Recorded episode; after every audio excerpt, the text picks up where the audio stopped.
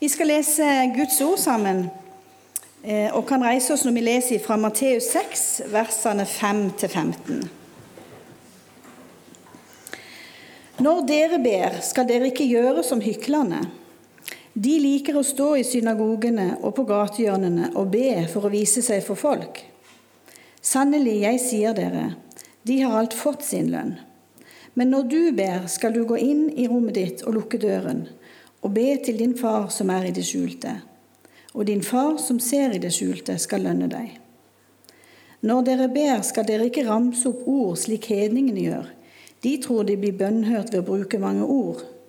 Vær ikke lik dem, for dere har en far som vet hva dere trenger, før dere ber ham om det. Slik skal dere da be. Vår Far i himmelen. La navnet ditt helliges. La riket ditt komme. La viljen din skje på jorden slik som i himmelen. Gi oss i dag vårt daglige brød, og tilgi oss vår skyld, slik også vi tilgir våre skyldnere. Og la oss ikke komme i fristelse, men frels oss fra det onde. For riket er ditt, og makten og æren i evighet. Amen.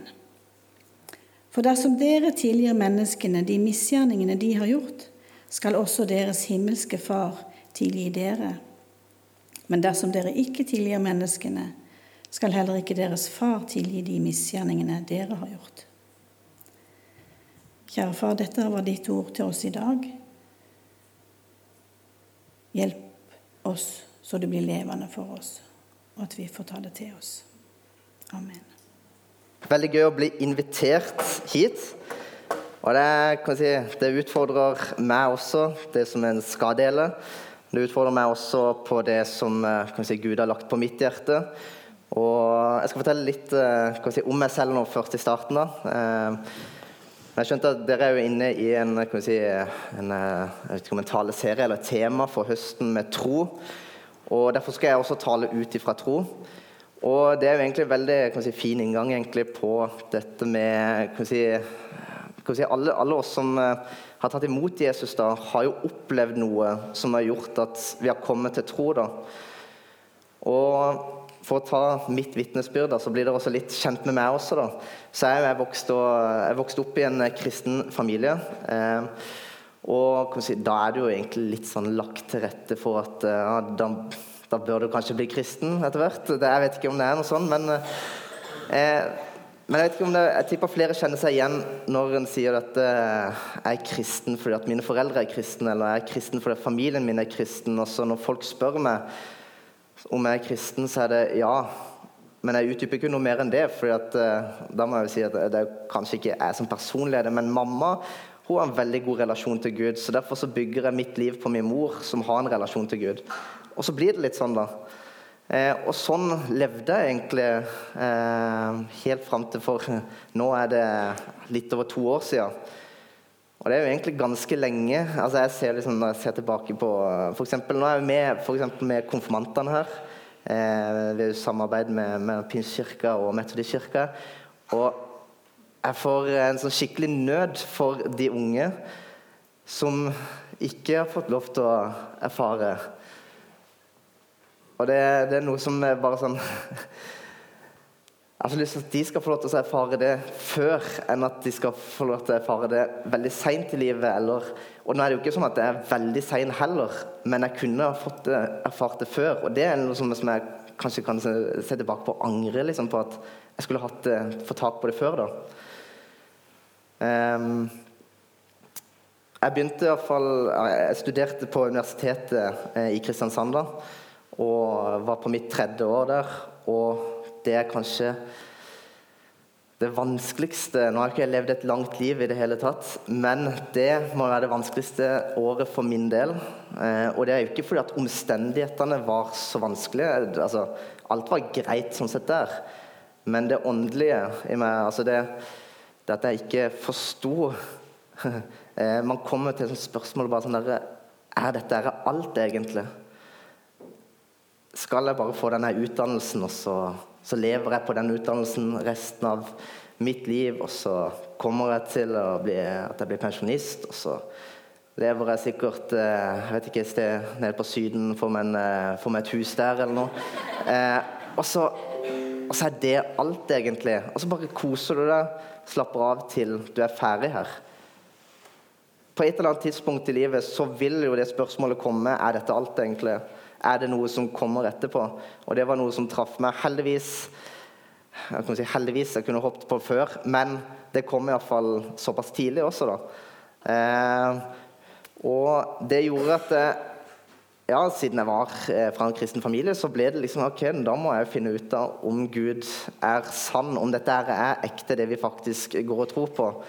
Eh, og da ble det bibelskole på meg, og jeg gikk på bibelskolen eh, nede i Kristiansand, Philadelphia. Og der skulle jeg gi det ett år iallfall, og så kunne jeg gå tilbake til det jeg holdt på med. Eh, men det var litt for å bare se ok, egentlig, er, er det noe her som Gud kan vise at OK, du er sann, liksom. Og det tok faktisk ikke en uke engang på den bibelskolen før Gud møtte meg. Og det er jeg så takknemlig for. Det er det som har snudd rundt på hele mitt liv til den dagen jeg står her i dag. Og det er også grunnen til at jeg også står her i dag også. Men den første uka der på bibelskolen, den ble så livsforvandlende. Altså Den første torsdagen vi hadde på bibelskolen, så kjørte en lærer av oss da en undervisning på hvilket grunnlag var det egentlig du gikk inn i den kristne troa på. På hvilket grunnlag var det du sa ja til en etterfølgelse av Jesus? Og Da begynner de spørsmålene ok, hvilken Jesus var det du sa ja til. Og da var det, ok, Har du sagt ja til en Jesus som du har lagd i ditt eget bilde, eller har du sagt ja til Jesus fra en taler du hørte på YouTube? Eller har du sagt ja til Jesus som Bibelen forteller om? Og Jeg tror eh, mange kan eh, ja, kanskje ha vært borti det. Eh, kanskje er de nå. Eh, at man lever med en Jesus som ikke er sann. da. Jeg skapte Jesus i mitt eget bilde og ville at han skulle være sånn som jeg ville at jeg skulle være. Og um, da var jo ikke jeg kjøpt egentlig fri fra synden, egentlig. da. Jeg hadde ikke forstått det. Og derfor så var livet det var en opp- og nedtur. Og det var det jeg fikk lov til å erfare eh, der og da i den undervisninga. At eh, wow, dette her holder jo ikke. Dette faller jo sammen. Og det var det jeg faktisk gjorde også i den undervisninga etter, ja, heldigvis etterpå. Eh, at eh, Da satt jeg helt alene der, og læreren kom bort til meg og så lurte på hva det var for noe. Så skulle jeg bare si det, men jeg klarte det ikke. Jeg bare knakk sammen og hadde ikke ord. Og det er første gang egentlig ja, Jeg kjente jo ikke personen engang. Eh, jeg hadde møtt han eh, to ganger før, og det var som hei og ha det ganger. Og så knekker jeg sammen foran dette mennesket, og det er, det er liksom langt utenfor min komfortsone iallfall. Men da skjønte jeg bare at her er det noe som ikke jeg har fått tak på. Men det var som at det ble lagt noe på mine skuldre som har bygd seg på egentlig over hele mitt liv, da, men som jeg bare kjente nå begynner det å presse så mye at man får lov til å erfare at ja, Kanskje ikke jeg skjønte det da, men nå forstår jeg at det var Gud som prøver å trekke seg til seg selv. da. Han prøver å trekke meg til han. Og det var der den, eh, ja, I løpet av 24 timer der så kommer fredagen også. Og på de 24 timene så har jeg aldri opplevd det så trøkk i min kropp som ikke jeg kan forklare. Og som jeg har prøvd å forstå i etterkant. liksom bare, Hva var det der for noe? Kan man bortforklare det? Og jeg har ikke klart å bortforklare det, for jeg forstår ikke hva det var for noe. Annet enn at det var Gud som gjorde noe. Og det var det som var så sykt deilig. da, At når jeg kom på den fredagen, enda på første uka på bibelskolen, så, så, kjører vi i gang med bønn og lovsang på morgenen. Og så, eh, så kjenner Man kan kjenne på det er noe i rommet. Og jeg har ikke fått lov til å erfare Den hellige ånd på den måten som jeg fikk lov til å erfare der. Hvor, eh, hvor jeg kjenner at jeg bare nesten knekker sammen. Men jeg står ennå oppe, og jeg holder tilbake alle tårene mine. Jeg kjenner at det presser så sykt på her. Og så kommer eh, rektoren på bibelskolen opp, og så sier han at jeg kjenner at det er noen her i rommet som holder oppe en demning. da. Og det er en demning som bare er liksom bygd av strå og halm høy. Altså det, er, det er noe som slår sprekker. Du må hele tida kaste på noe for å holde den oppe. Og så, så, står jeg der liksom og bare Ok, nå begynner det å renne her. Og så sier han at du må egentlig bare la det gå. Du må la det komme, egentlig. Det er kun egentlig Gud som ønsker, ønsker å komme inn til det. Men det som holder meg tilbake, det er overgivelsen. da. Og det er egentlig at jeg bøyer mine knær. Og når han sa disse ordene, så, så klarte jeg å snuble meg egentlig fram, fram til, eh, til, scenen. da. Og der fikk jeg egentlig bare kasta meg ned på knærne uten å tenke. Og da kom alle tårene, altså alt som jeg holdt tilbake hele mitt liv, egentlig. Alt som er lagt på mine skuldre, fikk jeg bare lov til å kaste på han. Og det er der en sånn trosopplevelse som jeg fikk der, da, har styrka min tro. Og så sier jeg ikke at det ikke kommer tvil, det skal vi prate litt om nå, da. Men det har satt et sånn fundament, egentlig, at det er bare sånn er det. Så kan jeg falle på dette fundamentet, men jeg faller ikke fra det. Og jeg, jeg kan i møte med omstendighetene, i møte med mitt liv, så kan jeg vite hvor jeg står henne. Så kan jeg vite at jeg, selv om jeg ikke føler det alltid, eller at jeg får en sånn der eh, godfølelse nedover ryggen, eller noe sånt, så, så vet jeg at jeg står fast, egentlig. Og at Gud er den han sier at han er. Og Det er egentlig mitt første holdepunkt på tro egentlig i mitt liv. Jeg fikk lov til å eh, si, når, når, man får lov til å erfare det på den måten, da, så sier jeg ikke at det er ikke akkurat den måten, men Gud møter oss på ulike måter. Men når vi får lov til å erfare Gud, da, så blir plutselig også ordet, Gudsordet, levende for oss. Før så var det for meg bare ord og bokstaver, og det var hardt og brutalt. Og jeg liker ikke å lese engang heller, så det var egentlig like greit. Men nå så så lever det. Og det er første gang Jeg har hørt det så mange ganger før, den Johannes 8,36, hvor det står at den sønnen setter fri, blir virkelig satt fri. Og jeg fikk lov til å erfare det den dagen at det skjedde, og at det faktisk er noe sannhet i det. For, for jeg, jeg, kan ikke gå tilbake og ta Jeg skjønner ikke ennå. Jeg, jeg prøvde i går, jeg eh, skulle gå gjennom talen så skulle jeg prøve å forklare dette her, og det var jeg skulle prøve å forklare for dere nå. Men jeg får det ikke til. Jeg får ikke til å forklare hvorfor alt det jeg var bundet av av synd, bare forsvant. For jeg har prøvd selv i så mange år på å legge det vekk, og så blir det et sånn kav. Siden vi er oppe i en kristen familie også, så blir det litt sånn Det har du ikke lov til, eller det kan du ikke gjøre, eller Bibelen sier det, og Jesus sier det.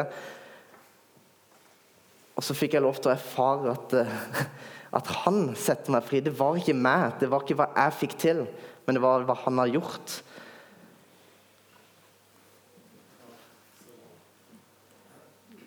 Jeg skal jo prate om eh, tro. Og det er mye som er utfordrende med tro. Det er jo kanskje det som er det vanskeligste. Eh, for det er jo en kamp. Det er jo en kamp, en åndskamp, da. At selv om, jeg, selv om du har fått lov til å erfare Gud nært og fått liksom en, en sånn trosstyrkende opplevelse, og jeg har fått lov til å oppleve det, så allikevel så kommer det alltid noe inn der som vil prøve å ødelegge det, som vil sette en tvil i det. Og mange ganger så kan det, det kan være oss selv, det kan være mennesker, men det er også djevelen som også kommer inn med noen tanker til tvil. da, Løgnstanker og det er jo liksom at Vi ser jo ikke Gud visuelt, f.eks. Vi har jo ikke sett ennå alle hans løfter. Vi har sett mange av dem, men vi har ikke sett alt. Og vi kjenner og føler han ikke alltid. og Vi har jo det ondes problem. Eh, og kanskje spesielt i en sånn evangeliseringskontekst og sånt. Ikke sånn at man går ut på gata nødvendigvis, men at man er i jobbsammenheng. og skal dele dette her med tro og sånn, så er jo det lite attraktivt i dag iallfall. Altså, I dag så, så, blir jo det slått ned på. Og Derfor så blir det liksom også at jeg holder tilbake kanskje med tro, og så begynner å tvile kanskje på ja, Det er så mange som sier at dette ikke er sant. Er det bare eventyr og oppspinn? Selv om jeg har fått en erfaring, så begynner tankene å komme. Og jeg tvilte jo mye før, og jeg tviler ennå. Det er mye som ennå kan komme til tvil. Men så vet jeg jo at jeg ikke klarer å bortforklare det. Og selv om ikke jeg klarer å bortforklare det, så er det jo det at det er jo en sånn åndskamp, som jeg sa. Eh, og det utfordrer oss.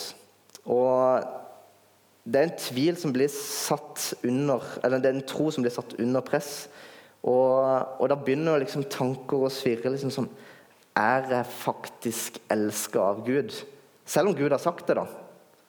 Er jeg faktisk elska av Gud? Eller er det sant at Gud har sagt det, eller Gud har sagt det, at det løftet er sagt, eller at han døde for det? De tvilspørsmålene kommer jo om vi vil eller ikke.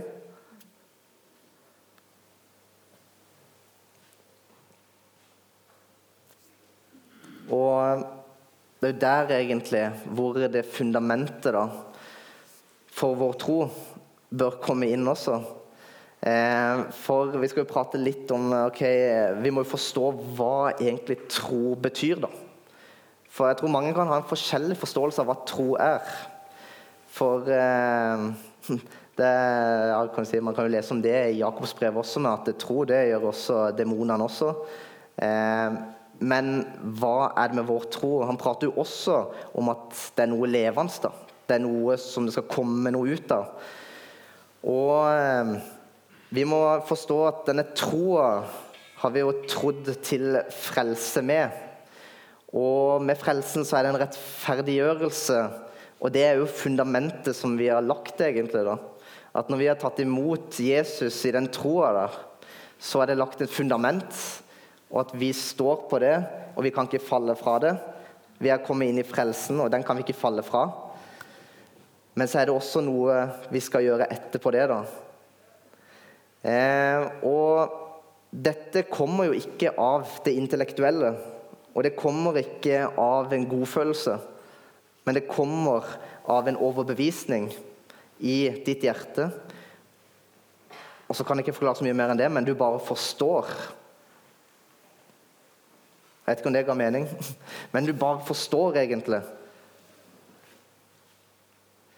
Og ordet tro det kommer eh, Bibelen bruker et ord som heter eh, Jeg vet ikke om jeg uttaler det riktig, men pistis. Eh, det er gresk. Og den, det er jo mye mer rikt, rik, rike ord, da. Norske ordet blir jo veldig fattig i Bibelen. Men da, det, da, betyr det at det betyr overbevisning, en visshet, en tillit, en tro, troverdighet, pålitelighet, overtalelse. Og Så bruker Nye Testamentet dette prinsippet nedlagt som en indre overbevisning, altså i hjertet, i en visshet og en tillit til Gud og alt det han sier. Og Da er jo egentlig, ok, da er standarden egentlig satt for hva er egentlig tro i en bibelsk forstand her. Og En sann tro da, det er jo ikke noe som er en passiv tro. En sann tro det er en som det vokser god frukt ut av. Det prater Jakobs brev om. En sann tro er en som adlyder. Det forteller også Jakobs brev om. En sann tro det er en overgivelse. En sann tro er en omvendelse. Og en sann tro er også et liv etter Guds vilje. Og Så står det jo i eh, Hebreerne 11,6, og der står det Men uten tro er det mulig å være til behag for Gud. For den som trer framfor Gud, må tro at han er til. Og da er det ikke at han en gang var, men at han er til. Det er litt vanskelig å tro på noe som bare en gang var, eller ja, kanskje ikke fins heller, men du må vite at han er til, og det er en overbevisning som du får i ditt hjerte. da. Troen er jo som sagt, det er ikke en passiv følelse eller noe intellektuell erkjennelse av det Bibelen sier. Men en virkelig tro. Det er på at Gud lever, at han er aktiv og at han er svært interessert i meg og deg. Vi var jo inne på dette med relasjon. Relasjon, det, det er faktisk det Bibelen hele tida går tilbake til. Uansett hvor du går i Bibelen, så peker det alltid tilbake til relasjonen. Ja, Så brukte vi jo denne her da, at eh, det må være et vann for at eh, det også skal komme god frukt. også. Eh, og vi var nødt til å koble oss på. Vi er nødt til å være i relasjonen hvor det skal komme frukt ut av. Og den gode frukten den kommer jo ut fra Gud selv. Så det er jo viktig også selvfølgelig hva vi kobler oss på. Men det er derfor Bibelen også hele tida peker tilbake til relasjonen til Gud. For at vi skal komme inn i den. Eh, vi leser videre i samme verset i eh, Hebreerne 11,6. Så står det at han belønner Han er en belønner av den som søker han med iver. Og det at Gud har behag i en urokkelig tro eh, på alt det han er, og alt det han lover å gjøre. Og Vi leser jo da i neste vers det med at Noah han bygde en ark i en tro og en tillit langt inn på land som egentlig ikke gir så veldig mye mening. Men han hadde blitt overbevist om noe, og han bygde det i en tro og en tillit. Og dette var det som også frelste han da. Det var troen som frelste han, og hans husstand. Og Vi har mye å lære om troshelter i Gammeltestamentet, Nytestamentet. Men så kan vi også skille mellom troen i den gamle og den nye pakten. Eh, troen er den samme, så vi kan lære like mye av de i Gamle testamentet i den gamle pakten.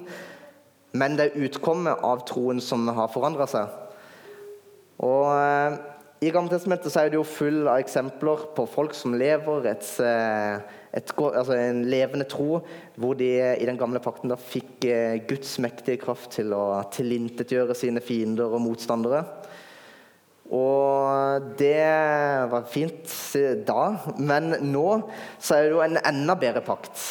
Og den nye pakten og den eh, har jo Gud gjort noe helt annerledes med, og det er med at eh, han har tilintetgjort synden i vår menneskelige natur. Så nå plukker han ikke vekk alle de menneskene rundt oss, men nå begynner han å peke kanskje på oss selv. da. For eh, vi er født inn i en veldig egoistisk tankegang. Og nå begynner vi også å se på oss selv, og det var jo det som var det store ja, for min del når jeg skulle overgi meg. For det er jo overgivelsen, det. Det er jo det som er vanskelig. Det er jo det som er, det er sykt vanskelig å se på seg selv av og til. egentlig. Om å overgi, eller gi noe tilbake som jeg har lyst til å holde på selv. Det er jo godt, ja, det er godt der og da, liksom, men så er det vondt igjen. Og så er det godt, og så er det vondt, og så er det godt, og så, så er det opp og ned hele tida. Men jeg får lov til å gi det vekk, og han kjøper meg fri fra det, så får han kjenne at det, det fundamentet, det står. Det, det rokkes ikke. Så det vil ikke være noe sånn opp og ned hele tida. Det er noe som ligger der hele tida, og som ikke forandrer seg.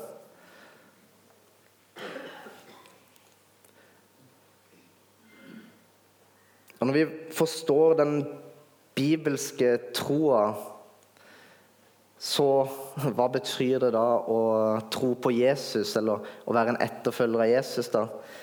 For Jesus sier i Johannes 8, 31, da sier han til jødene som har kommet til tro på ham Hvis dere blir i mitt ord, er dere i sannhet mine disipler. Altså, hvis dere blir i mitt ord, er dere i sannhet mine disipler. Disse hadde kommet til tro på Jesus, og Jesus sier at hvis dere skal være mine disipler, så må dere bli i mitt ord. Og Det han egentlig sier også, da, det er egentlig at vi skal fortsette å bli i hans ord. Så hvis vi skal bare begynne å dra det litt lenger, så betyr det motsatte av det Jesus sier, at hvis dere ikke blir i mitt ord, så er dere heller ikke hans disipler. Så det er et veldig sånn radikalt skille, egentlig, som han setter. Og ehm, det er jo ikke slik at Jeg vet ikke om dere har tenkt på det før. Det, kan, mange her har gått en eh, mye lengre vei enn det jeg har, så det kan være at jeg er bare helt ny i tankegangen. Men dette med å skille frelsen og helliggjørelsen, da, eller rettferdiggjørelse og helliggjørelse det, for det er jo veldig lett Jeg tipper de fleste her hadde ja, Hvis man har vært på mange møter hvor det bare rekker opp hånda der som vil bli frelst, og så rekker hele salen opp hånda, og så er det bare good to go. Men er det ikke en kostnad også her? For det er veldig lett. Jeg har jo også jeg har selvfølgelig sagt ja til å bare ta frelsen og få en gratisbillett til himmelen. Det koster jo meg ingenting å rekke opp den hånda. Men så glemmer vi ofte kanskje den der helliggjørelsesbiten, som er faktisk kostnaden. Som Jesus sier, at uh, du må kjenne til kostnaden før du begynner å bygge huset. Og Hvis vi begynner å skille dette, så, så begynner vi å få et problem med hva egentlig tro er. da. For en tro er jo en som fortsetter å tro. Altså, Ikke at jeg en gang trodde, og nå gjøre det som jeg selv vil. At jeg sa en gang ja til frelsen, og nå er det liksom Jeg har iallfall billetten i baklomma. Et bevis på at du tror på Jesus, er jo at du fortsetter å tro på Jesus.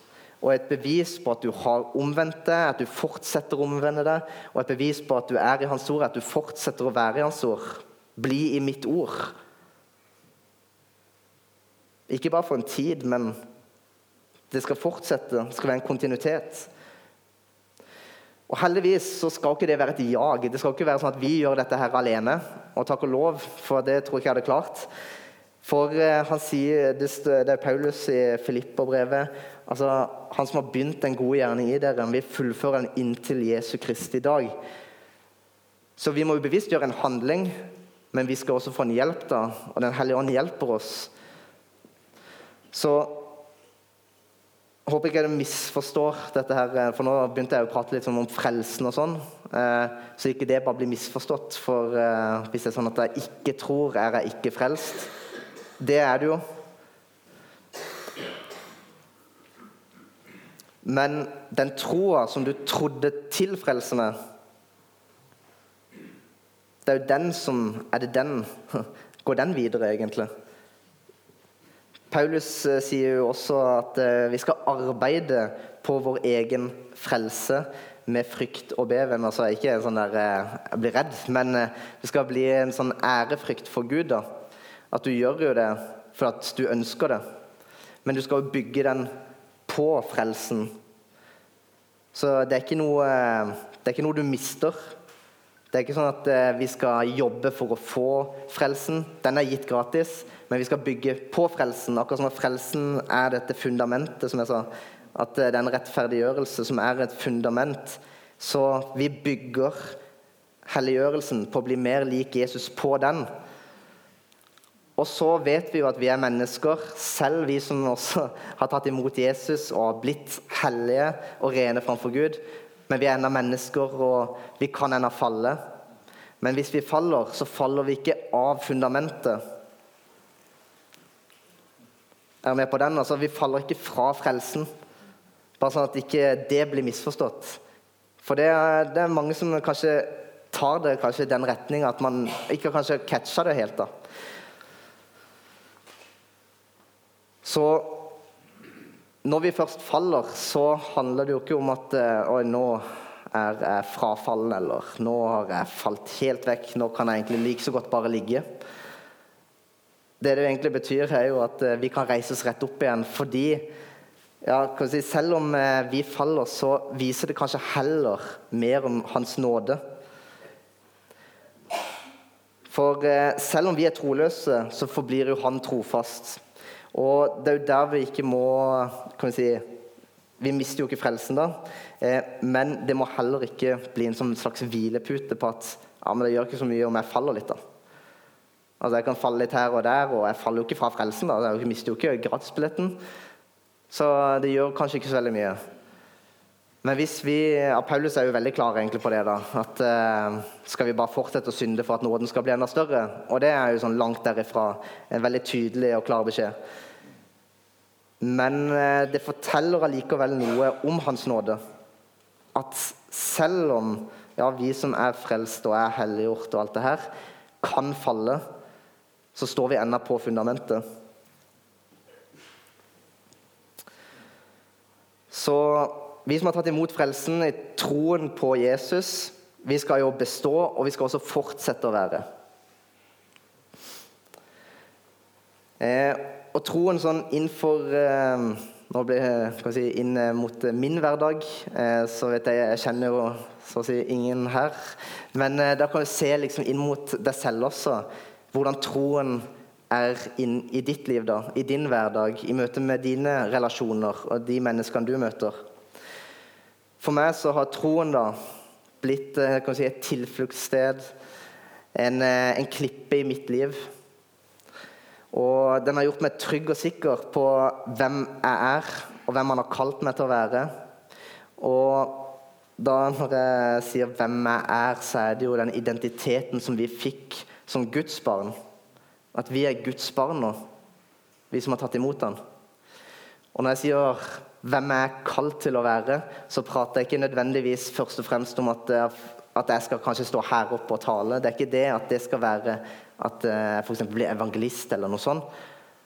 Det vi først og fremst er faktisk kalt til, det er når Jesus når han pekte ut sine tolv disipler, så var det for at de skulle først være med han, og så bli sendt ut. Det blir egentlig litt sånn, eh, Vi sier jo ofte at eh, himmelen er liksom snudd opp ned, eh, sånn opp-ned-verden. Eh, og det er jo egentlig det her også, for eh, eh, Det snur egentlig Hva tenker jeg nå? Kommer jeg helt ut av den her?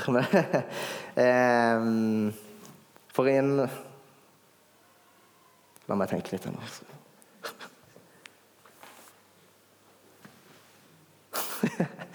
Den, den, den sto ikke i notatene, jeg bare kom på det nå, egentlig. At det var, det var noe lenger tilbake i tid som jeg bare huska liksom, at den, den, den, kan si noe. Og så bare kom det helt ut. Eh,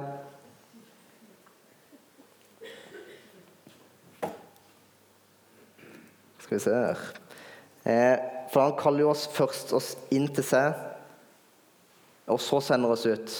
Jeg tror jeg skal bare glemme det eksempelet, for at jeg ikke ødelegger det helt nå. Det, det, var et veldig bra eksempel. Veldig, for Jeg ble veldig satt ut av den første gangen jeg hørte det. Så hvis jeg kommer på den senere, så skal jeg si det. eh, skal vi se her eh, Så Vi er jo først og fremst kalt Jeg sa at vi, vi kommer alltid tilbake til relasjonen. Og det er jo det vi først og fremst er kalt til. Så alle sammen her er kalt til å være i relasjonen å være sammen med Jesus. Og så blir vi sendt ut.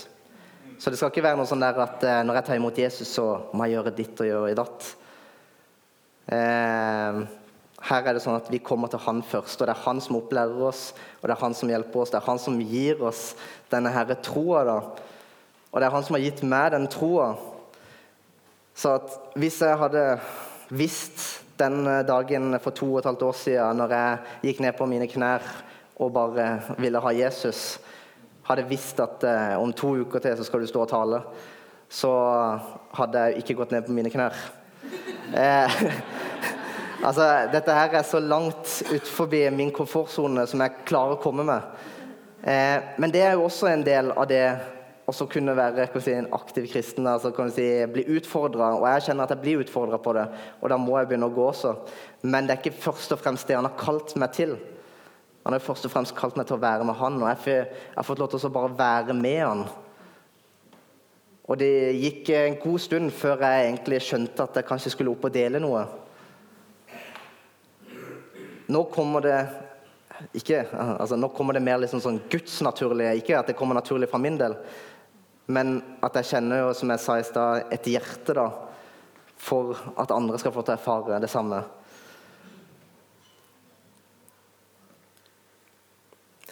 Eh, og det er jo dette som er så fantastisk med tro, egentlig. Det er jo at uansett om eh, du har tatt imot Jesus, eller om du ikke har tatt imot Jesus, så er det jo at livet, det, det slår oss like hardt i trynet uansett. Eh, og det er jo sånn ærlig også, da. For eh, livet er jo livet, liksom. Det er jo Det er brutalt av og til. Og Så det er ikke sånn at noen kristne er mer spart for andre. Men så er det jo det her med gjennom disse stormene, da. For eh, når vi bygger vårt liv på dette fundamentet, når vi bygger vårt hus, altså oss, på fjellgrunnen Jesus, så får jeg lov til å erfare at ja, selv om den sliter, når stormen kommer og den sliter på huset, og det skyter inn mot huset, så kan jeg vite at eh, dette kommer ikke til å falle. Det står uansett. Ja, det gjør vondt, og det kommer kanskje til å gjøre vondt, og det er sårt. Men så vet jeg i mitt hjerte, for Gud har overbevist meg, Den hellige ånd har overbevist meg om at jeg står på et fundament. Og det Gud har sagt, det lover han, og det holder han. Og da får det også erfare at det er dette som er veldig spesielt, og det som er sykt gøy da, med den kristne troa, med Jesus, det er jo at gjennom disse stormene så får en lov til å erfare en kjærlighet og en glede og en fred liksom, som bare, bare feier vekk alle omstendigheter. Ja, Omstendighetene er der, og de presser på. og Du hører dem, og du ser dem, og du erfarer dem. Men så er det noe i ditt indre da, som du bare kjenner at det er godt. Det gir ikke mening at det skal være godt, men det er godt. Det skal ikke gi mening at jeg skal kjenne på en kjærlighet nå, midt i stormen. Men allikevel er det det vi får lov til å erfare. Og kanskje det er noe som er sånn helt trist også. Og så får du lov til å glede deg i Herren. Det er veldig spesielt, egentlig, hele greia, når man begynner å tenke over det. Eh, og det er jo det som er så sykt gøy, når andre ikke-troende ser et sånt liv. Og det er ikke for at vi skal liksom bli sånn der Se på meg, jeg har fått det til. Nei, det er for at de skal kunne se Jesus i det. da. At de skal kunne se at det er noe her som de mangler. Og Det er et fantastisk vitnesbyrd egentlig, å se mennesker som på tross av at de har det så dritt i livet, kan ennå løfte hendene og prise Gud. Det er sånn Hvor kommer det fra? Det kommer jo fra noe her inne. Og det kommer med at du har kobla på en som elsker deg, og en som har lyst til å ha en relasjon med deg.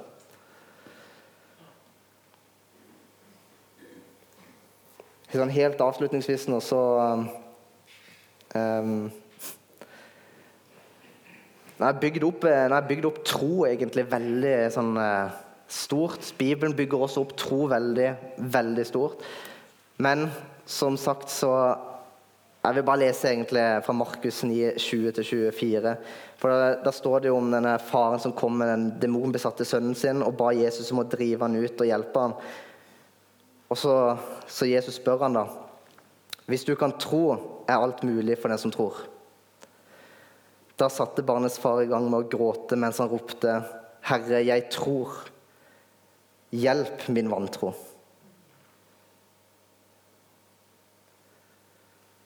Og Av og til så kan det være vanskelig å tro. Å tro det er jo en gave som er gitt oss, og vi kan be om den. Jeg, må be om den. jeg ber om den ofte, om at man bare gi meg mer tro kan si, åpenbare mer av det han sier, hans sannheter, Guds ord. At de skal bli mer levende for meg, at jeg kan se mer, at jeg kan høre mer. Og at jeg får lov til å ta del i hans hjerte. Og få lov til å se det akkurat som han gjør. Og eh, akkurat som vi prata litt om nå, med, med, dette med storm i livet, med utfordringer i livet. Så at uansett Veldig banalt eksempel, men at uansett hvordan livet er så er to pluss to fire. Jeg er med på den liksom at uansett hvordan omstendighetene er, så står Guds ord fast. At det forandrer seg ikke. Det er bare noe som er sant og kan ikke forandres.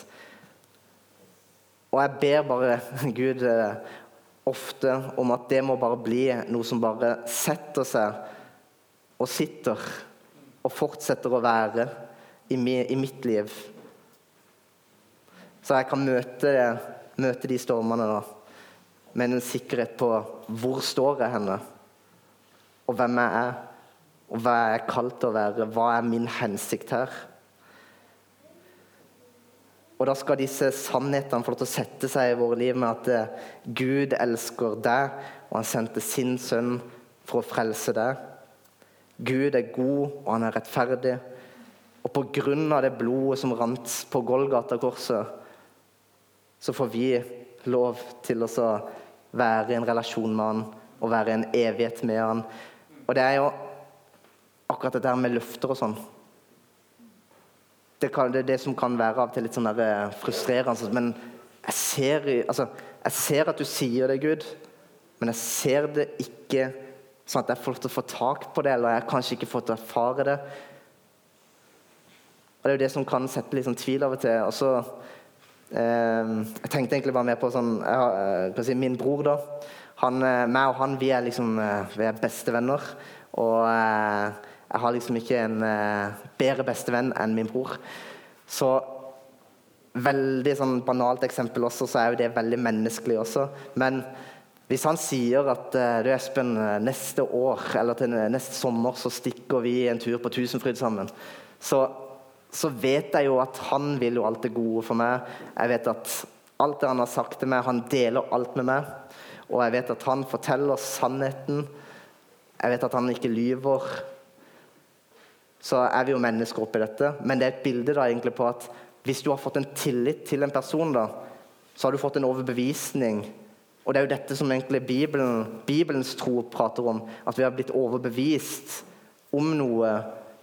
At det Gud sier, er sant. Og hvis den samme si, overbevisningen du kan ha på et menneske, da, om at ja, men da vet jeg egentlig at om eh, til neste sommer så kommer meg og min bror til å reise til Tusenfryda sammen. Så er det noe jeg går og håper på, noe jeg går og gleder meg til. Og det er jo egentlig ja, inni Guds relasjon da, så er det jo egentlig det at vi lever jo i et håp på det som ligger der framme. Og det er jo også det at vi skal være med han i evigheten. da. Og det er det den troa som vi skal bygge livet på, og det er den troa jeg har fått erfare å bygge mitt liv på. Og Jeg håper det er den troa som også du bygger ditt liv på. Så det var egentlig det jeg hadde lyst til å dele. Jeg vil bare be, be helt til slutt nå. Jeg takker Jesus for at får lov til å komme her og dele ditt ord, Herre. Jeg takker Jesus for at, eh, at du er så nær, Herre.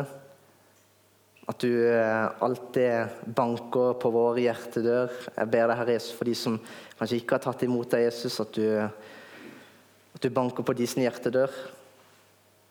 At eh, de kan få lov til å åpne opp døra, at du kan komme inn, Herre. Jeg ber deg, Herre, for, for alle, Herre Jesus, som, som sliter og tviler, Herre Jesus. Det med å tro det kan være vanskelig, Herre. Det ser du også i våre liv, Herre. Jeg ber deg Herre, om at du bare skal komme med din overbevisning og din tillit, sånn at vi kan, vi kan med våre liv legge det i, vår, i, dine hender, Jesus, og vi kan bygge det på ditt fundament, Herre. Jeg ber deg Herre, om at uh, vi kan få lov til å erfare deg mer. Erfare at det du sier, det er sant, Herre. Og at vi kan glede oss i det håpet som du har lagt du har lagt framfor oss, Herre. Takk, Jesus, for det. I Jesu navn. Amen.